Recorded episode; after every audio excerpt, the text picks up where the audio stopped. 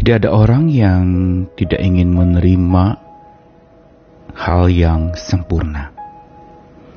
Seringkali orang yang berpikiran serba sempurna dan menginginkan segalanya serba sempurna harus siap-siap kecewa. Karena dia sedang berhadapan dengan sebuah kebohongan dan tipu muslihat yang ada di dalam benaknya sendiri. Bahwa segalanya harus sempurna keluarga harus sempurna, dunia harus sempurna, masyarakat harus sempurna, gereja atau rumah ibadah atau agama harus sempurna. Dan karena tirani kesempurnaan ini sering kali menjejali pola pikir seseorang, menyebabkan orang tersebut akan sulit untuk menerima ketidaksempurnaan. Dan dampaknya menjadi lebih parah lagi ketika tidak dapat menerima yang tidak sempurna itu. Bisa jadi mereka justru hidup di dalam sebuah ilusi, bukan kenyataan. Mau ada di dalam sebuah kondisi, sebuah komunitas, atau sebuah lingkungan yang serba sempurna. Karena itu, kita harusnya memijak bumi untuk menerima hal yang tidak sempurna. Karena sempurna itu hanyalah berasal dan dimungkinkan oleh Dia yang Maha Sempurna dan paling bijaksana. Tanpa Dia, kita tidak dapat menerima yang tidak sempurna. Karena itu, kita perlu belajar. Saya Nikolas Kurniawan menemani di dalam Sabda Tuhan dari Yakobus pasal 1 ayat yang ke-17. Dibacakan dari Alkitab versi firman Allah yang hidup. Segala sesuatu yang baik dan sempurna berasal dari Allah, pencipta segala terang.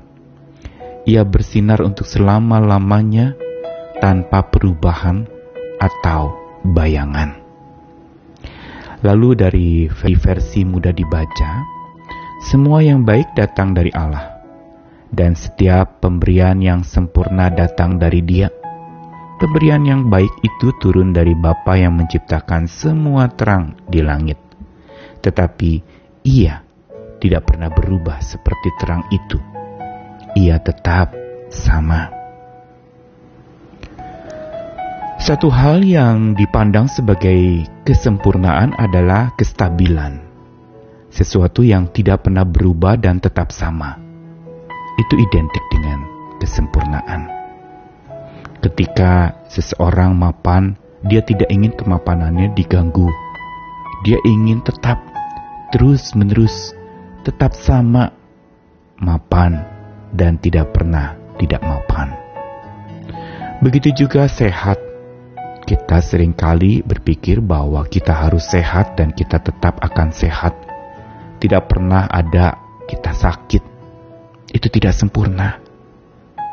Dan masih banyak lagi rangkaian atau rentetan dari ketidaksempurnaan-ketidaksempurnaan yang sebenarnya itu mengelilingi hidup kita.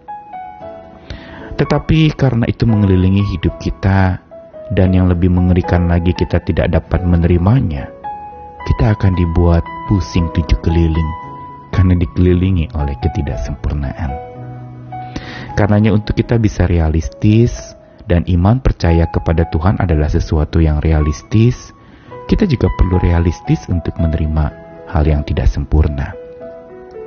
Surat Yakobus adalah sebuah surat yang dituliskan berkaitan dengan iman yang nyata yang memijak bumi sehingga topik-topik yang diangkat di dalam surat Yakobus adalah topik-topik sehari-hari, topik-topik yang memang dijumpai sangat familiar dalam kehidupan seseorang. Misalnya, Yakobus berbicara tentang ujian dan pencobaan dalam hidup. Yakobus juga berbicara tentang seorang yang diombang-ambingkan oleh mendua hatinya. Yakobus juga sempat menyinggung orang-orang yang tidak melakukan perencanaan di dalam masa depan dan hidupnya. Yakobus juga menyinggung tentang orang-orang yang berdosa karena lidah atau kata-katanya. Dengan kata lain bahwa surat Yakobus memang menyentuh dan membicarakan sesuatu yang jarang dibahas di dalam surat-surat Alkitab lainnya.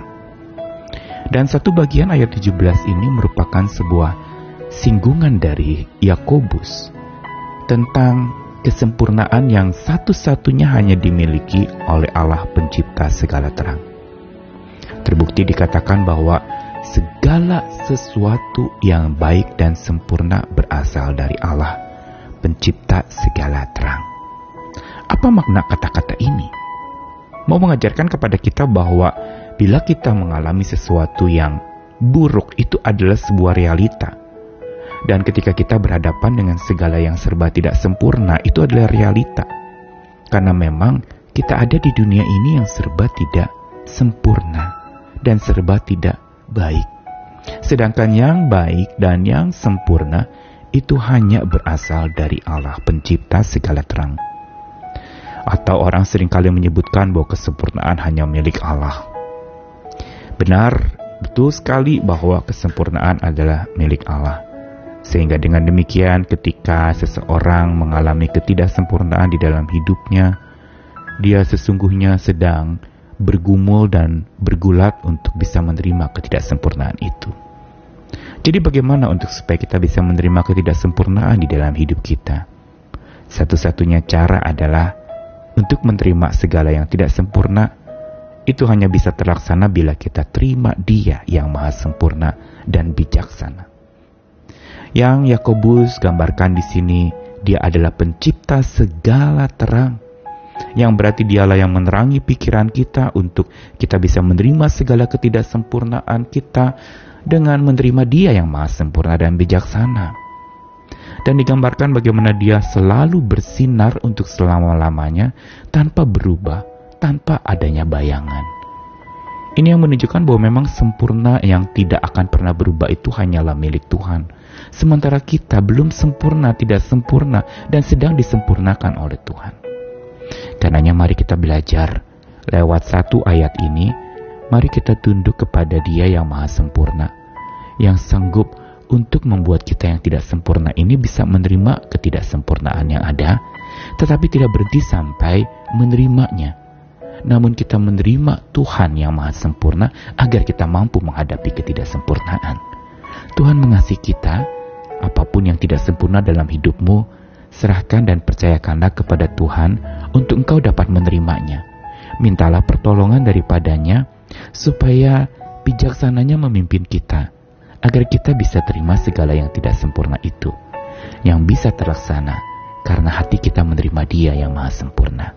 Tuhan mengasihi kita, ayo berjuang lagi, segala yang tidak sempurna harusnya tidak menghambat kita untuk berjuang secara sempurna oleh kekuatan Allah yang maha sempurna. Selamat berjuang, Amin.